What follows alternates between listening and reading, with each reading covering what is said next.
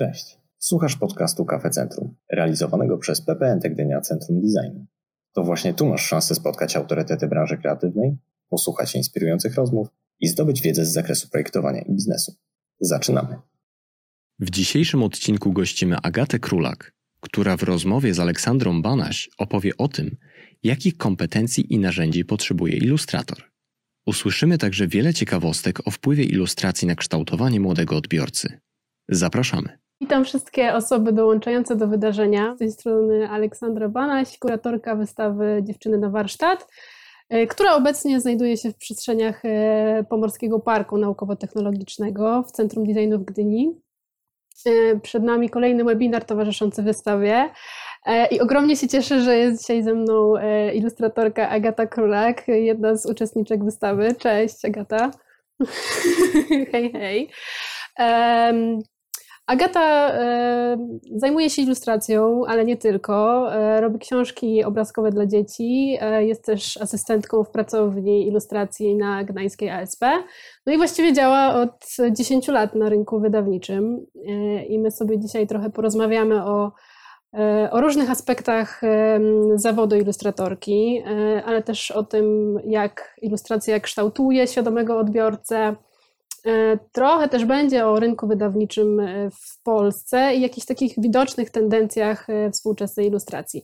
I na początku chciałam Cię zapytać w takim razie, jakie, jakie kompetencje wykorzystujesz na co dzień w swojej pracy zawodowej jako ilustratorka, ale też z drugiej strony, jakich umiejętności musiałaś się nauczyć, jako, żeby pracować właśnie w tym zawodzie jako ilustratorka freelancerka? To jest na tyle skomplikowane pytanie, bo właściwie jest kilka poziomów, o których tutaj e, mówimy. Ja w ogóle ostatnio poznałam takie fajne słowo, które się nazywa metaskille. Ty je pewnie znasz. Mm-hmm.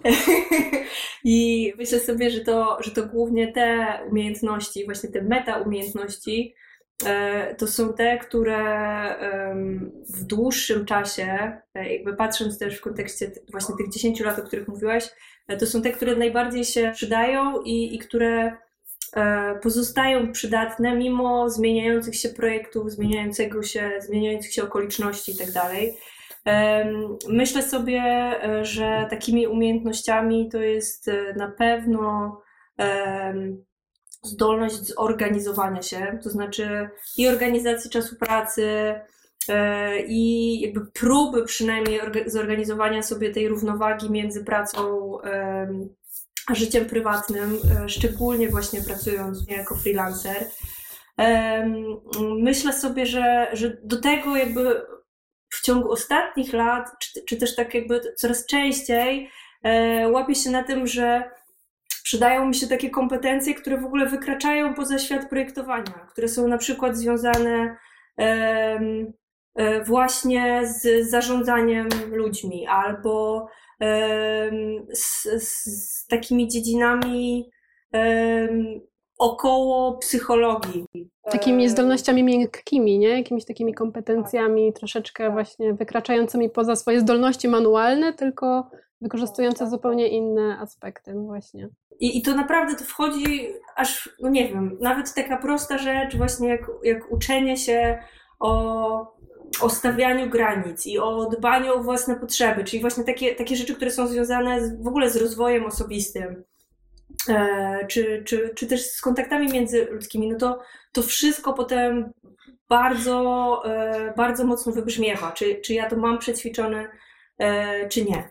I to są oczywiście z jednej strony takie banalne rzeczy, bo to, bo to prawdopodobnie przydaje się w, w każdej pracy, ale kiedy kiedy pracuję jako freelancer w, e, na, e, w przestrzeni kreatywnej, jakby ja odpowiadam za gro e, rzeczy związanych z danym zleceniem, właśnie za mój czas pracy, za zasoby, które mam i tak dalej, i tak no to, no to to się nagle okazuje najbardziej po prostu skutecznym, przydatnym tym, w co należy inwestować. No właśnie, i to też chyba y, ważne, żeby to jakoś wypośrodkować, albo chociaż mieć takie jakby zdrowe proporcje tego, y, tego, tego czasu, który poświęcasz na pracę kreatywną, a tego ogarniania właściwie wszystkich innych rzeczy, od podejrzewam właśnie faktur, y, jakichś rzeczy związanych z mediami społecznościowymi i tak dalej, i tak dalej, produktu całościowego, jakim jest ilustracja i, i ilustratorka stojąca za tymi ilustracjami. Tak, szczególnie teraz i, i znowu tutaj e, znowu sięgam po jakieś banały, ale właśnie e, w czasie e, tego prymatu kultury wizualnej, mediów społecznościowych, no to mm, właśnie właściwie zawód projektanta czy ilustratora to, to, już też jest właściwie jakiś relikt. My, my zaczynamy być w pewnym sensie jakimiś osobowościami, które się zatrudnia, które się sprzedaje. E, że właściwie na pierwszym, e, na pierwszym polu e, jest ta osobowość twórcza, którą my prezentujemy, a dopiero później to, co my faktycznie jesteśmy zrobić. Mam wrażenie, że to, to nie jest coś takiego, co przynajmniej w moim przypadku, to nie jest coś, co ja postanowiłam, jakby to nie jest umiejętność, którą postanowiłam zdobyć, tylko to po prostu przyszło z czasem. Był taki moment, że jakoś tak chciałam sobie to uporządkować i właśnie zabrać się do tego tak, wiesz, solidnie, nauczę się jak to robić i jak dzielić ten czas pracy, ale tak naprawdę e, z doświadczeniem, z czasem, po prostu ta, ta mm, piramida priorytetów się sama ustawia. I jakoś tak to wreszcie po, po tym czasie samo przychodzi, co jest dla mnie ważniejsze, co mniej ważne, na co, e, na co chcę poświęcić e, więcej czasu, e, a, na co mniej? Czy właśnie media społecznościowe są e, dla mnie ważne? Jeśli tak, to jaki, mm, jaki kanał? i tak dalej, i tak dalej. No właśnie, i jakby no tak pracujesz, a powiedz mi, w jaki sposób postrzegasz tą ilustrację, rolę ilustratora, ilustracji w kształtowaniu w ogóle no, człowieka, jego świadomości, jego uważności, jego ekspresji też. I powiedz mi, jak ci się wydaje, jak te bodźce wizualne z okresu właśnie dzieciństwa y, no, później mają jakieś przełożenie na to, na to dorosłe życie? My się poznałyśmy przy okazji y, mojego doktoratu, także jakby poniekąd wiesz, wiesz, jakie są moje przekonania i właściwie chyba się tego trzymam do tej pory. Wydaje mi się, że, że alfabetyzm wizualny, że alfabetyzacja wizualna właśnie w tym E, w okresie e, dzieciństwa, w okresie przedszkolnym i wczesnoszkolnym jest mega istotna e, i staje się coraz bardziej istotna wraz z kierunkiem rozwoju naszej kultury, naszego społeczeństwa. Po pierwsze, dlatego, że właśnie funkcjonujemy w kulturze obrazu. Na tym się zasadza cała nasza komunikacja, więc im wcześniej doświadczamy tego obrazu, różnorodnego obrazu, E, tym łatwiej nam później w tym środowisku się poruszać, e, rozumieć je, mm, ale też jakby twórczo w nim uczestniczyć. Nie tylko odbierać, ale właśnie współtworzyć też to e, środowisko. Jesteśmy też po prostu lepiej przysposobieni do tych wszystkich niebezpieczeństw czy ryzyk związanych z kulturą obrazu.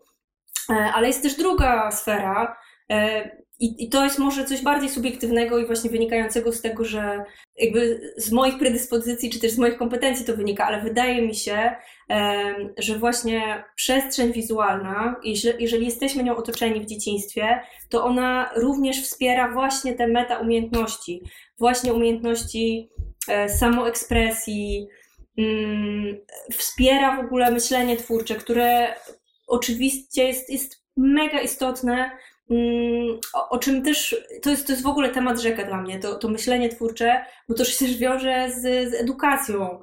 E, to jest coś, nad czym my ciągle ubolewamy. No nie, że ten nasz sposób e, edukowania e, i to wydaje mi się, że ja słyszę takie głosy i ze środowisk nauczycielskich, i rodziców, jakby nie, osób niezwiązanych, że, że to już jest, że to po prostu nie działa. I to nie działa już od tak długiego czasu, właśnie dlatego, że nie stawia się nacisku na twórcze rozwiązywanie problemów, właśnie na projektowanie, jakby na ten design thinking, e, a właśnie na ten model testowania.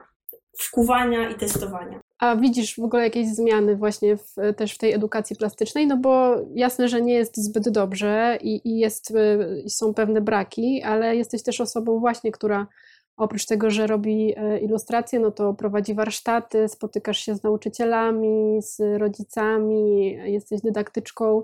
E, no i no już wstępnie powiedziałaś, że jakby nie jest za dobrze, ale, ale jak, jak to wygląda? I też jakby z perspektywy osoby już powiedzmy działającej 10 lat w tej sferze? No właśnie, wydaje mi się, w ogóle złapałam się na tym, że na początku chciałam powiedzieć, o jest tragicznie, ale, yy, ale właściwie nie. Właśnie widzę, że, że od jakiegoś czasu yy, ogromnie rośnie świadomość wszystkich współtworzących yy, tą jakby tkankę dydaktyczną i szczególnie tutaj mówię o rodzicach, I to znowu wydaje mi się, że, że poniekąd związane jest właśnie też z mediami społecznościowymi i wpływem tej kultury obrazu na, na naszą taką codzienność. My po prostu e, jakby naturalnie nam, naturalniej przychodzi nam e, uczenie się na ten temat.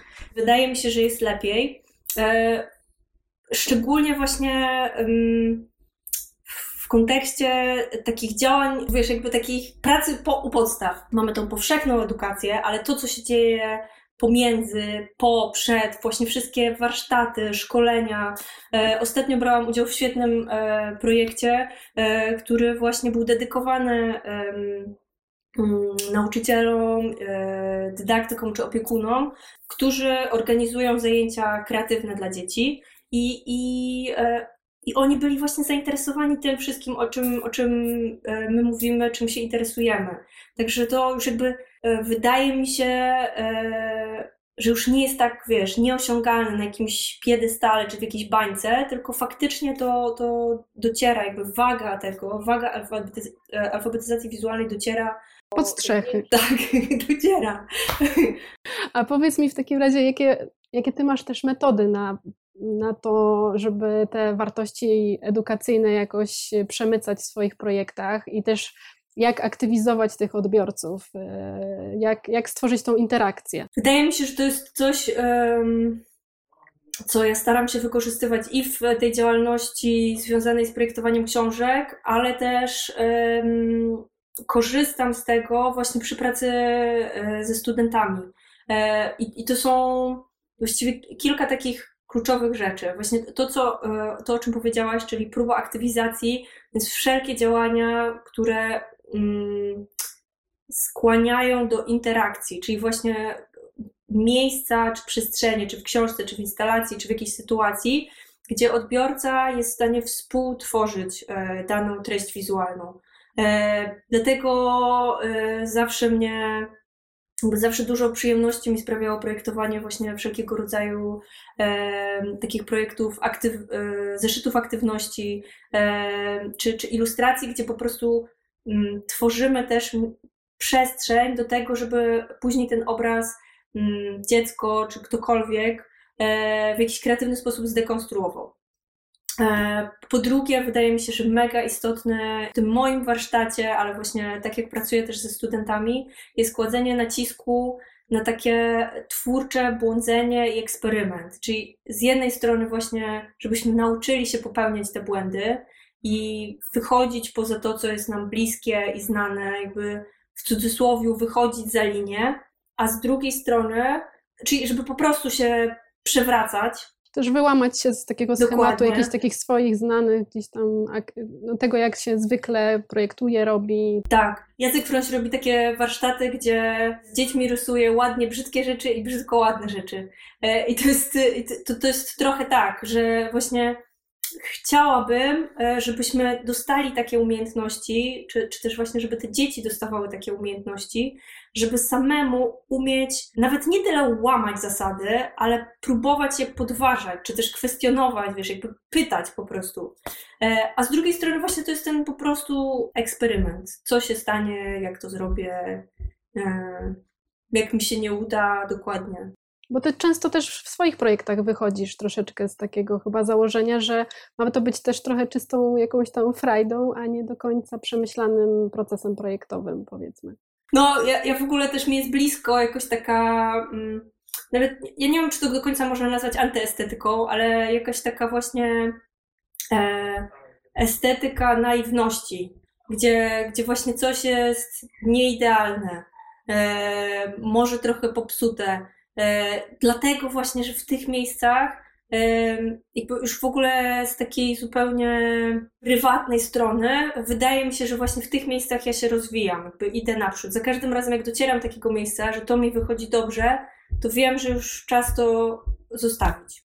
No właśnie, bo tak e, jedno z pytań, e, które chciałam Ci zadać, też, też to właśnie w jaki sposób starasz się wymyśleć się na nowo i jak stawiasz sobie w swojej pracy projektowej jakieś takie twórcze wyzwania, bo no też fajnie osiąść w pewnym momencie i poczuć, że to jest e, twój, twój styl i e, jakby możesz właściwie cały czas powiedzmy powielać pewne elementy czy coś w tym stylu, no ale wydajesz się być osobą też szalenie twórczą na różnych frontach. Jakby, czy masz coś takiego, jak, nie wiem, pracujesz dla klientów, ale też pracujesz przy książce autorskiej, żeby stawiać sobie jakieś takie gdzieś projektowe wyzwania? Wydaje mi się, że to jest chyba coś takiego, co, tak jak mówisz, styl to jest potrzebna rzecz. I czasami tak jest, że, że praca nad danym projektem czy zleceniem układa się tak, że po prostu trzeba posił posiłkować się właśnie na tym doświadczeniu, na tym stylu, na tych zasobach, które już mamy, ale właśnie wszędzie tam, gdzie jest trochę więcej czasu i gdzie mogę sobie na to pozwolić, to faktycznie staram się, żeby to, co uda mi się wykreować, było też e, w pewnym sensie dla mnie zaskoczeniem. To znaczy, że o kurczę, mogę zrobić jeszcze coś, co mi się podoba, a nie tylko co, co już jakby widziałam u siebie. No i dzięki temu właśnie ta zawód ilustratorki nigdy się też nie znudzi, prawda? No bo chyba trzeba no. mieć takie dodatkowe aktywności właśnie. Tak, i też wydaje mi się, e, przynajmniej jak, jak patrzę na, na to, co ja robię, e, że, że to nawet nie jest kwestia tego, że e, okej, okay, to mi się już znudziło, więc nie mam tej motywacji do działań, tylko po prostu wiem, że mm, jak nie ma tego, mm, tego takiej, takiego momentu zaskoczenia właśnie, czy nawet jakiegoś rodzaju takiego ekscytacji nad projektem, to, e, to to też będzie czuć przy odbiorze. To po prostu wiem, że ten zleceniodawca czy odbiorca też to wyczuje po prostu, jak stare jedzenie. Ale z takich rzeczy właściwie już stricte, nie wiem, myśląc o tym technicznie, to nie wiem, zawężasz sobie czasem do dwóch kolorów, albo powiedzmy, nie wiem, musisz sobie tylko linie proste czy krzywe e, zaznaczyć, czy, czy robisz to jakieś tak, jakoś tak w sposób e, no, narzucający już jakąś narrację później. No, to, to dokładnie tak, e, tak jest. Przeważnie to są właśnie jakieś konkretne ograniczenia, które ja sobie narzucam.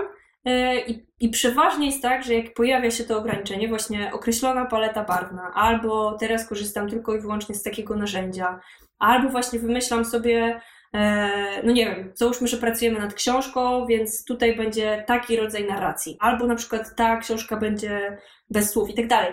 To już, w, w obrębie tych ograniczeń e, jestem w stanie poczuć dużo więcej swobodny niż przy projekcie, gdzie teoretycznie właśnie mogę wszystko i posiłkuję się, jakby automatycznie posiłkuję się tym, co już znam dobrze. Mhm, no bo to jest jakby łatwiejsze z natury po prostu. A powiedz mi też, no bo z jednej strony mm, zawód ilustratorki to jest praca stricte kreatywna, ale to też jest no, branża usługowa, prawda? I jakby nie może mm, działać na zasadzie mm, czekania na twórczą wenę, ale no podejrzewam, że przychodzi taki czas, kiedy, kiedy masz już dosyć obrazków zwyczajnie, bo jakby w tej kulturze obrazkowej non-stop E, jesteś e, i, i, i, czy masz jakieś sprawdzone e, sposoby na ten taki właściwie powiedzmy twórczy impas i to, że, że jakby no nie, no nie możesz łatwo wyjść z, z, z, tego i że, że już twój organizm po prostu nie przyswaja w pewnym momencie większej ilości bodźców wizualnych, no i przez to nie może też przetworzyć tego w jakiś kreatywny sposób. Myślę sobie, że w takich momentach to też jest znowu coś takiego, że mm, jakby odpowiedzią na to, czy antidotum na to nie jest chyba coś, co ja planuję. Teraz już mam jakiś tam, e, nie wiem, arsenał narzędzi, czy, czy sposobów takich zupełnie przyziemnych, właśnie jak sobie z tym poradzić, czyli po prostu na przykład zdystansowanie się, odpoczęcie na chwilę od projektu, którym się teraz zajmuję. E, wiesz, takie rzeczy. Ja się boję, po prostu ja zawsze boję się o tym mówić, bo wydaje mi się, że, że to są takie zupełnie, wiecie, jak, e, jak z jakiegoś poradnika. Poćwiczyć jogę, wyjść na spacer, pomedytować. E, ale być, co by nie było, jakby to działa. E, ale są też takie momenty, że po prostu wiem, e, że na przykład teraz mam już tak dosyć. By, był taki moment e, parę lat temu, właśnie w okolicach tego, jak, jak urodziła się moja córka, że, że ja w ogóle kwestionowałam, czy chcę być jeszcze ilustratorem, czy chcę właśnie tworzyć jeszcze kolejne obrazki. Wtedy też zaczęłam pracować przy, przy kwartalniku 3-4. Ostatnio też właściwie pojawił się znowu taki moment kryzysu i mam wrażenie, że za każdym razem, jak coś się takiego pojawia, że mam dosyć już tych drukowanych, dwuwymiarowych ilustracji, to po prostu staram się znaleźć jakąś e, przestrzeń, w której dalej mogę tworzyć, mm, ale która nie jest tak silnie związana właśnie z tym, e, czego się uczyłam, jakby z, z moim wykształceniem, czyli z drukiem, czy nawet z ilustracją manualną, ale po prostu, wiesz, na, na papierze. E, właśnie stąd się pojawiła ta ceramika i, i inne dziwne rzeczy, które, które ostatnio robię.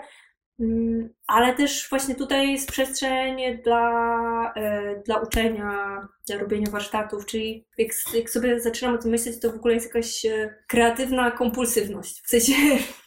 Taka jest twoja natura. Jak się wysłyszę, to źle to brzmi, ale, ale odpoczywam.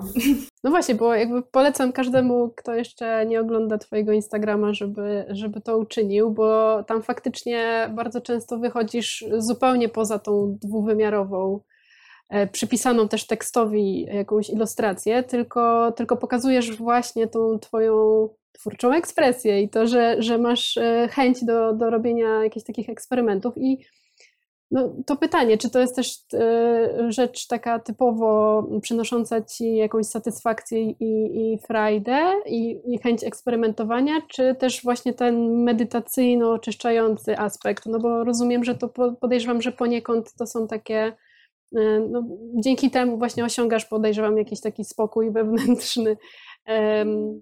No, trochę, trochę, trochę tak tak było, że właściwie to się, to, to zabrałam się za tą ceramikę mm, właśnie dlatego, że chciałam tego spróbować, dlatego właśnie, że to ma też ten charakter e, jakby mm, medytatywny, medytacyjny e, i, i było jakim, jakąś taką przestrzenią właśnie oddechu, ale ostatnio właśnie, to, to jest w ogóle pytanie na dziś, dlatego że ja w ciągu ostatnich paru dni zaczynam się na tym coraz mocniej zastanawiać. Właściwie, czy nie można tego połączyć? To znaczy, że może po prostu jest tak, że mnie ta ilustracja trójwymiarowa, czyli tworzenie obiektów ilustrowanych, po prostu nie pociąga bardziej w tym momencie. Może jest tak, że jeżeli mi to daje tyle przyjemności, satysfakcji, ale też ukojenia, no to mogę z tego zrobić pracę po prostu. Może to być moją działalnością zawodową. E, nie muszę właśnie, mm, nie muszę tego traktować tylko jako odskoczni od czegoś, bo wtedy właśnie pojawia się to pytanie, czy ta ilustracja, od której ja zaczęłam, właśnie, czy ona jest teraz czymś, od czego ja muszę odpoczywać? To się okaże, ale to są rzeczy, nad którymi ja teraz bardzo, bardzo mocno kontempluję. Pracujesz, no bo też y, ostatnio y, Twoja indywidualna wystawa była w, otworzona w BWA Bydgoszcz. Ktokolwiek jest w okolicach, też zachęcamy, żeby się wybrać do tego miejsca. Y, i tam, I tam już pokazałaś, prawda, swoje, swoje rzeczy takie i, i chyba ceramiczne i, i te, które są właśnie związane ze snicerką, czy, czy takimi właśnie działaniami trójwymiarowymi. To jest pierwsza taka wystawa, gdzie w sumie też się odważyłam jakby pokazać i też e, w ogóle szapoba dla BWA Bydgoszcz, która się zgodziła na pokazanie tego, bo pomysł na wystawę pierwotnie był taki, żeby pokazać po prostu ilustracje z książek. To jakby przyniosło mi dużo satysfakcji, że mogłam to pokazać, ale tak myślę sobie, tak zupełnie ad hoc teraz, że, że właściwie te działania e, trójwymiarowe, czy, czy projektowanie jakiegoś rodzaju przestrzeni, czy, czy instalacji, to jest coś, co też mi towarzyszy od, od, od, od dawna. Że się nie ograniczasz po prostu do tego dwuwymiaru. Może wreszcie, może to jest trochę tak, że wreszcie sobie na to pozwoliłam że, że wiesz, że będąc e, po grafice, a nie na przykład po malarstwie, czy po wzornictwie, czy po rzeźbie, też mogę się za to zabrać, też mogę to robić. No nie ograniczasz się w takich e, twórczych e, rozwiązaniach. Jesteś aktywna na wielu polach i jeszcze chciałam Cię dopytać o rzecz następującą, bo już to wywołałaś, czyli magazyn 3-4. E, który e, założyłaś razem z Marysią Dek, z ilustratorką. E, I powiedz mi, no, co cię nauczyło to doświadczenie, bo zmieniłaś zupełnie stronę, że tak powiem, bo z ilustratorki stałaś się wydawczynią magazynu i redaktorką.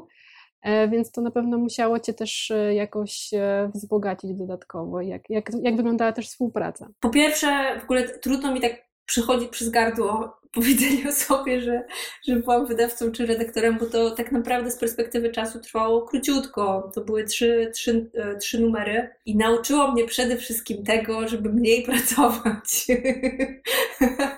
E, to, to w ogóle był bardzo, bardzo karkołomny, y, karkołomne i szalone przedsięwzięcie, ale jestem bardzo za nie wdzięczna i, i też e, w ogóle bardzo jestem wdzięczna za to, że, że Marysia się wtedy e, pojawiła w moim życiu i że, że była tak samo szalona jak ja, że się zgodziła to zrobić.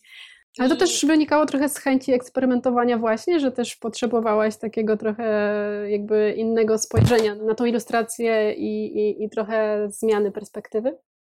E, myślę, że trochę tak. Trochę, trochę też to było związane chyba z, z takim doświadczeniem właśnie przeniesionym z, z uczelni. To znaczy, że, że tam właśnie e, nauczyłam się trochę takiej pracy mm, zarządzania ludźmi, czy, e, czy właśnie jakiegoś rodzaju takiej artystycznej kurateli, którą mogłam przenieść do magazynu, że, że to, to mnie wtedy interesowało w ogóle współpraca z innymi kreatywnymi osobami, od których mogę się uczyć, e, które mogę też poznawać, ale właściwie u źródła tego projektu e, było takie marzenie po prostu, żeby stworzyć fajne czasopismo dla dzieci. Ja, ja wtedy bardzo się inspirowałam mm, magazynem Anorak e, z Wielkiej Brytanii i to był też czas, no, to był kilka lat temu, ale to był taki moment, mam wrażenie, że takiego bardzo, bardzo silnego e, zainteresowania e, ilustracją dla dzieci w Polsce. E, tych ilustratorów wtedy już działało bardzo dużo i bardzo dużo na wysokim poziomie, więc mieliśmy, mieliśmy właśnie super zasoby. I dodatkowo wszyscy ci ilustratorzy są też świetnymi copywriterami, jakby ogólnie kreatywnymi osobami, więc trudno było te, z tego nie skorzystać. E, a jednocześnie właśnie to też mówi trochę o środowisku, czy też w ogóle o kondycji ilustracji w Polsce. Większość z nas się zna. Jakby, e, nawet jeżeli to nie są jakieś przyjaźnie, to my wszyscy się mniej lub bardziej kumplujemy. Więc łatwo było też to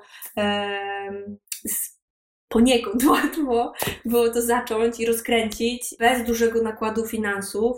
Dlatego, e, że po prostu wszyscy się e, znaliśmy i chcieliśmy razem zrobić coś fajnego. No właśnie, a w takim razie mm, jak e, oceniasz z perspektywy tych 10 lat i tych doświadczeń jako, jako wydawczyni, redaktorka, no i też osoba, która ma na koncie mnóstwo realizacji, czy autorskich, czy, czy na zlecenie, jak wygląda teraz e, rynek wydawniczy w Polsce? Mówię tutaj właśnie o książkach e, czy czasopismach właśnie dla dzieci. Jakie widzisz zmiany? No bo dekada to już dużo i można też gdzieś powiedzieć o tym, jak to wyglądało wcześniej, no jak, jak, jak jest obecnie. Ostatnio u mnie na, na zajęciach online. Zaprosiliśmy Pawła Milnera, z którym rozmawiali studenci. Właśnie taką krótką wymianę zdań mieliśmy interesującą na temat właśnie współczesnej kondycji rynku wydawniczego w Polsce. To jest dla mnie mega ciekawy temat, dlatego że z jednej strony e, no, dzieje się bardzo dobrze. Jest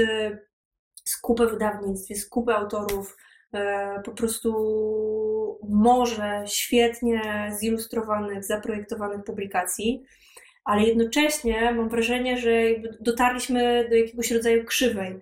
E, to znaczy, że kiedy, kiedy za, za, zaczął się ten boom e, na, na picture booki, na książki ilustrowane, to tych kilka małych wydawnictw, które właściwie to, to ciągnęło z perspektywy czasu, miało w sobie też bardzo dużo odwagi i nonszalancji. Teraz, kiedy ten rynek bardzo mocno się już wysycił, mam wrażenie, że ten, że ten rodzaj takiej właśnie e, odwagi i brawury trochę siadł. To znaczy, że nie, nie wydajemy już tak, tak dużo e, projektów, które gdzieś wykraczają poza to, co jest. E, Poza to, co jest obecne na rynkach zagranicznych, poza to, co się dobrze sprzedaje, to są dalej świetnie zaprojektowane książki, ale coraz mniej, mam wrażenie, jest przestrzeni właśnie na taki eksperyment. Ale czy zauważasz na przykład jakieś, nie wiem, tematy tabu właśnie w, w, takim, e, w takich jakby wydawnictwach dla dzieci, że też to są jakieś takie powiedzmy te tematy, których się nie dotyka i jakby lepiej nie iść w tamtą stronę?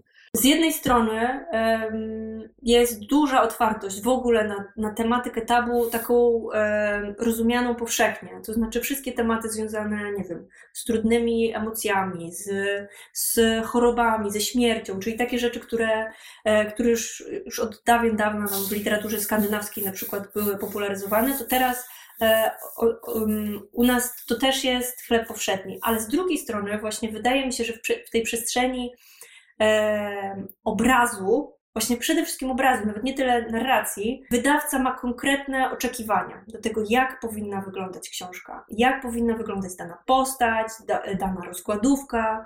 E, dlatego właśnie, że, że zaczynamy, to też znowu związane z mediami społecznościowymi, że mamy ten, ten metatrend po prostu do którego wszyscy staramy się dostosować, myślę.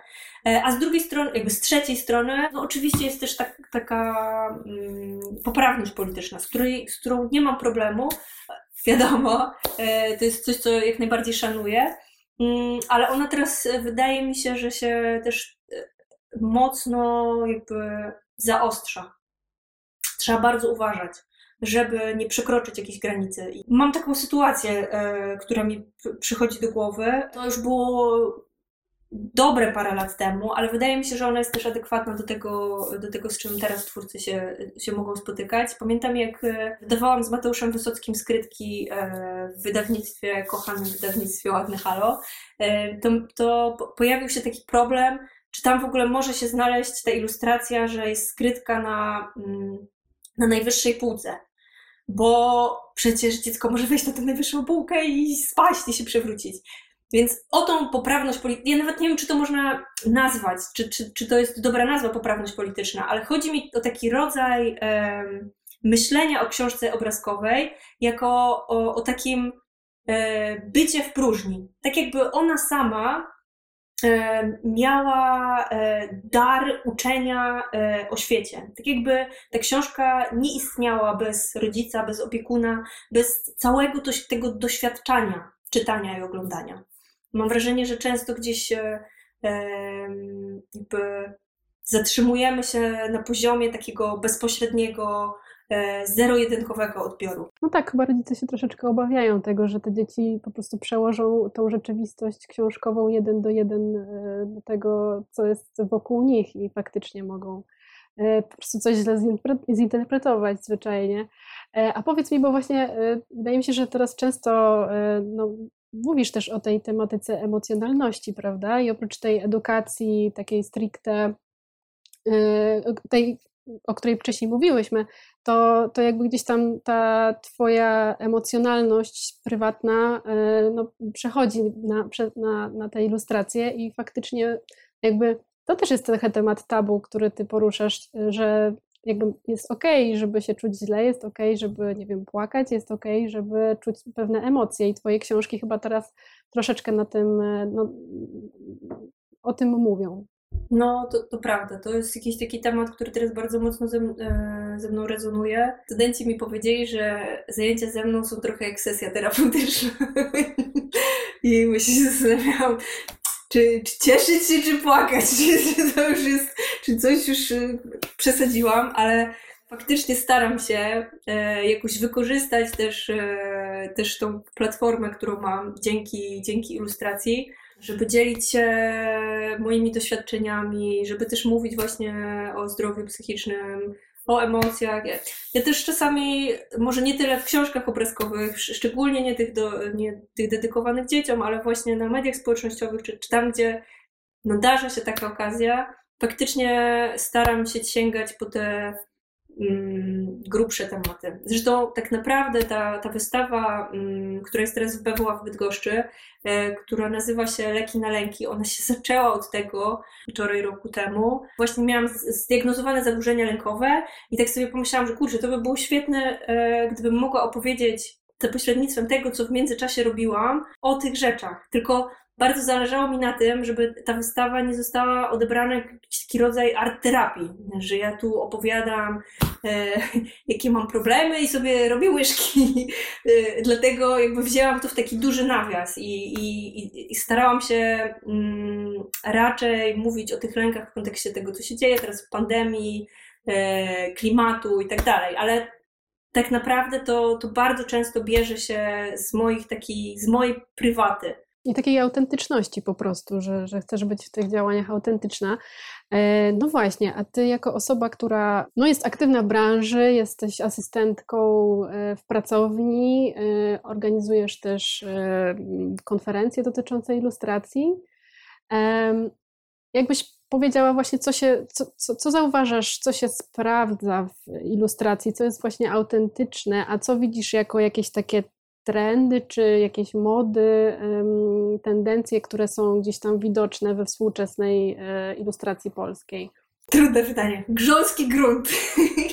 Ostatnio czytałam jakiś taki artykuł um, na, na portalu, który jest związany bardzo mocno z ilustracją, ale też z, z projektowaniem w ogóle. E, oczywiście nie pamiętam nazwiska, e, ale tam padł taki cytat, właśnie, że teraz e, projektowanie bardzo mocno kładzie nacisk na formę.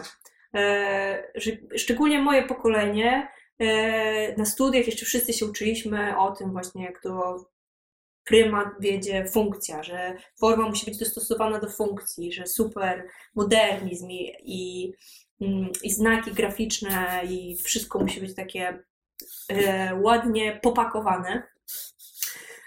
A teraz tak naprawdę trudno teraz mi jakby w skrócie mm, wymyślić, dlaczego tak jest, czy, czy jakby pójść w tą stronę, ale faktycznie bardzo mocno kładziemy nacisk na formę i, i właściwie samo projektowanie staje się coraz częściej ilustracją. Projektowanie graficzne jest coraz częściej właśnie takim rodzajem wizualnej narracji. I, i, mam wrażenie, że coraz, coraz mocniej kładziemy nacisk, żeby z jednej strony eksperymentować właśnie z tą formą, szukać coraz to nowych, jakiegoś takiego rodzaju melanżu wizualnego, łączyć te wszystkie różne wątki historyczne, kulturowe itd. E, z, drugiej strony po prostu szukamy rzeczy, które są atrakcyjne, które po prostu nas dobodźcują, jakby w tym morzu, e, morzu obrazków E, coś, co, czego jeszcze nie widzieliśmy, coś, co nas pobudzi, nawet nie tyle, że będzie piękne, ale po prostu ta forma nas zaskoczy, obrzydzi, zdziwi, cokolwiek. I, I to się, mam wrażenie, świetnie przekłada po prostu na ilustrację, szeroko pojętą ilustrację. Może nie tak bardzo ilustrację książkową, mm, ale ilustrację komercyjną czy, czy prasową, E, tutaj coraz częściej widzę właśnie taką tendencję do poszukiwania coraz to nowych, coraz to bardziej eksperymentalnych języków wypowiedzi. E, ale myślę sobie, że to jest właśnie ta warstwa, to jest to, co jest takie świeżutkie. Z jednej strony to już jest, jest jakiś czas, ale jak sobie myślę o takich powszechnych trendach, o tym, co widzimy po prostu na co dzień, w prasie codziennej, w reklamach, czyli o tym, i tutaj myślę o tym grząskim gruncie, mm, to faktycznie jest tak, że to są, to są bardzo często rzeczy przeestetyzowane, takie wygładzone, ładniutkie, kolorowe, ale też o określonym zestawie kolorystycznym, gdzie właśnie z jednej strony stawia się nacisk na warsztat. Wydaje mi się, że to jest jakaś taka przestrzeń właśnie nie, jeszcze nie eksperymentu, ale już nie takiego pietyzmu warsztatowego, że ma, musimy mieć dobre kompetencje właśnie w poruszaniu się w programach komputerowych na tablecie, e, znać kolory Pantona, ale jednocześnie nie pójść gdzieś za daleko. Nie użyć jakiegoś zbyt mocnego koloru albo po prostu nie przekroczyć granicy właśnie tej estetyzacji. To być może to też się wiąże właśnie z tym, co mówiłyśmy wcześniej a propos Instagrama, mediów społecznościowych, prawda? Bo mówiłaś, że może w samej książce to gdzieś tam nie funkcjonuje, bo to już jest troszeczkę inny produkt, ale na pewno właśnie pokazując te ilustracje w, w mediach społecznościowych właśnie, tam, tam być może jest taki trend y, niestety mocny. Y, a powiedz mi jeszcze tak, na czym ty się wychowałaś jako, jako ilustratorka? W sensie, jakie nie tylko obrazki, ale jakie, nie wiem, aktywności, treści, yy, mm, doświadczenia yy, stworzyły Ciebie jako, jako twórczą osobę, ilustratorkę? To jest pytanie, które ja lubię, dlatego że ja cały czas z tym siedzę, mam wrażenie, że ja cały czas po prostu w tym sosie yy, nie, za, za bardzo się nie rozwinęłam pod tym względem. Wydaje mi się, że to, co mnie najbardziej ukształtowało, to, to z jednej strony oczywiście Polska Szkoła Ilustracji, pamiętam takie perełki u mnie w domu, e, książka z ilustracjami Janusza Stannego, e, Bogdan Butenka, Wilkoń, oczywiście. E, ale z drugiej strony ja też się po prostu wychowałam na telewizorze i Disney, Cartoon Network, to jest po prostu, mam wrażenie, że to, to co ja robię, to jest jakiś taki miks między tym a tym. I, I, to na mnie tak mocno wpływało. Z jednej strony ta, ta taka bardzo nasycona, wręcz agresywna kultura wizualna, a z drugiej strony właśnie ta klasyka, która też miała w sobie dużo eksperymentu i takiej swobody. Ja miałam to szczęście, że moi rodzice mnie bardzo e, popychali w stronę sztuki, e, co, co oczywiście teraz mogę sobie kwestionować, czy przypadkiem może gdyby tego nie było, to bym mogła robić coś innego. Ale i tak jestem im wdzięczna, więc jakby mam dużo takich doświadczeń, gdzie chodziłam z moim tatą na wystawy kantora, e, gdzie mm, gdzie z moją mamą właśnie robiłam jakieś takie różne dziwne, ręczne robótki. No i to ci zostało faktycznie.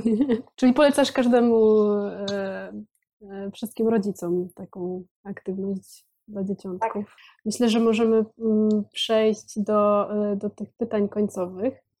E, pierwsze pytanie, które tutaj mamy, to mm, czy polecasz jakieś konkretne metody wspierające kreowanie pomysłów, które stosujesz w okresie na przykład blokady twórczej? Wspomniałaś o design thinking.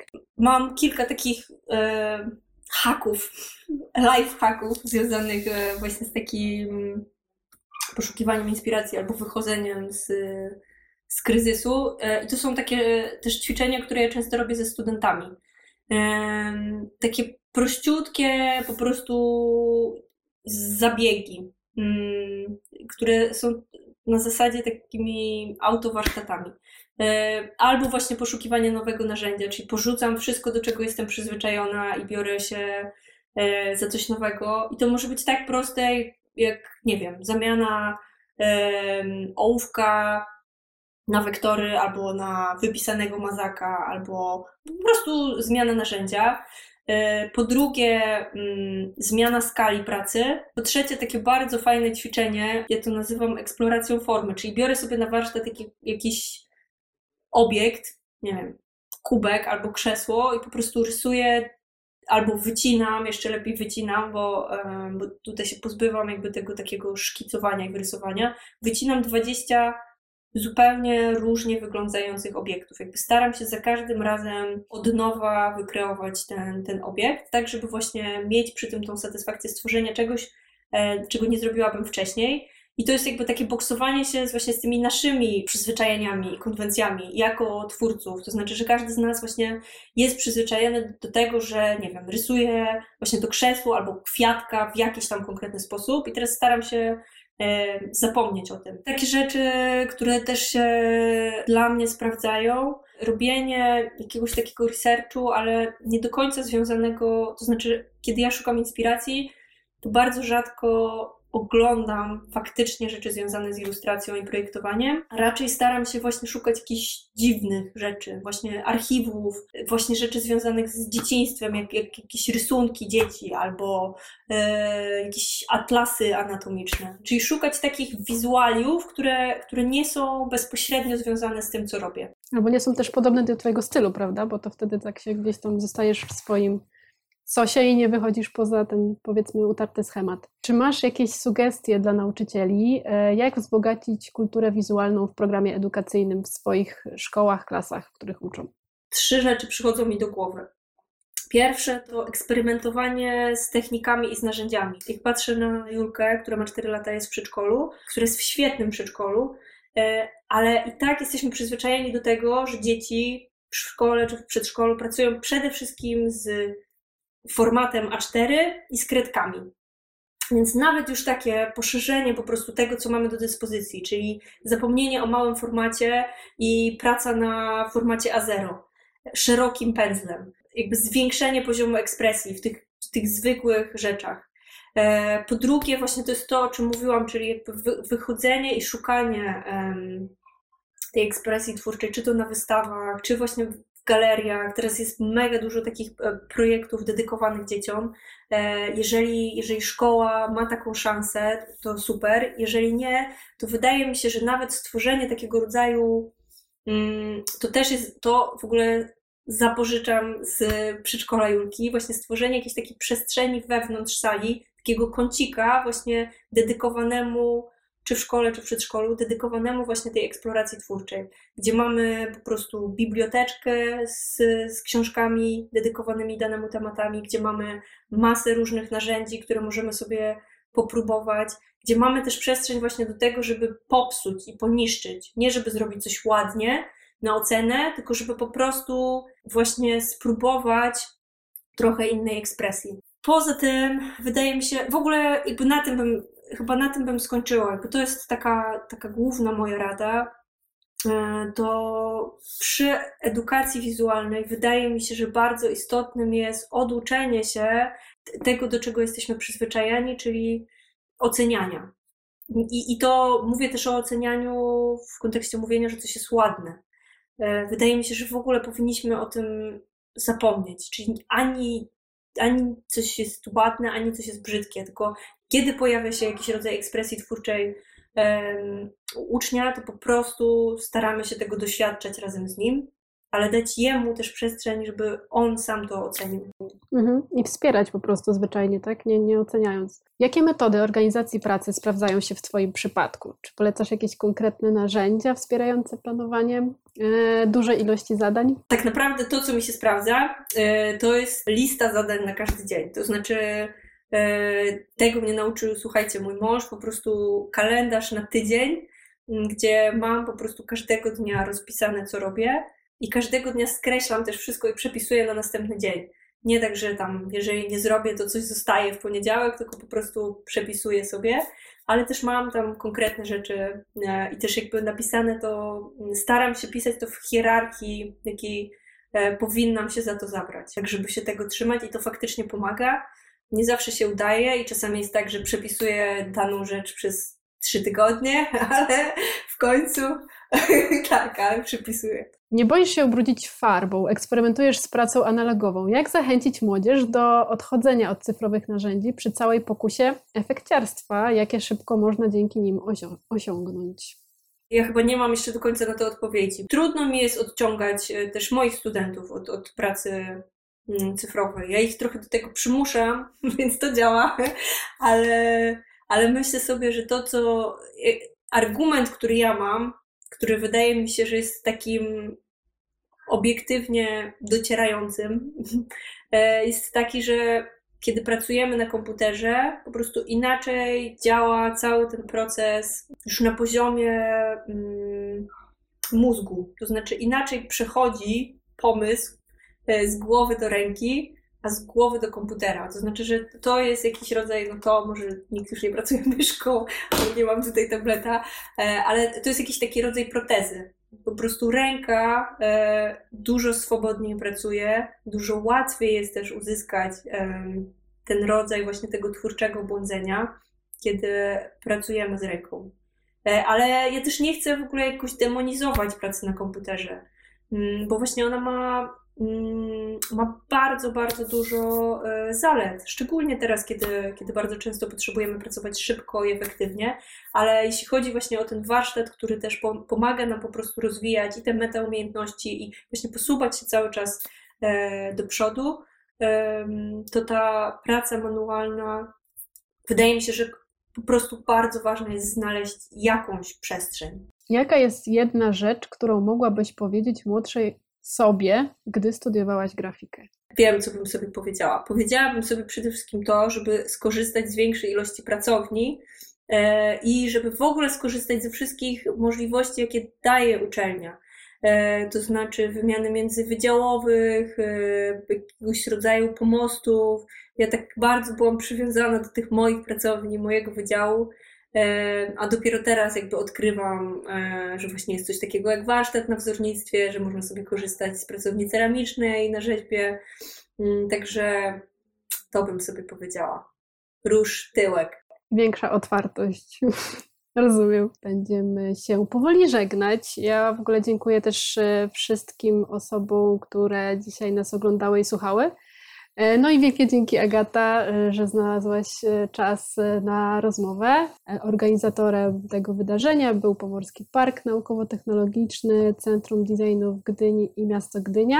I myślę, że się będziemy żegnać. Mam nadzieję, że kto z Państwa jest blisko w Gdyni i ma chęć, to zajrzy, zobaczy w przestrzeniach parku wystawę Dziewczyny na warsztat, albo będąc w Bydgoszczy zajrzy na Gdańską 3, prawda, do BWA i zobaczy e, wystawę Agaty, więc e, dziękuję wszystkim serdecznie za ten czas i trzymajcie się ciepło.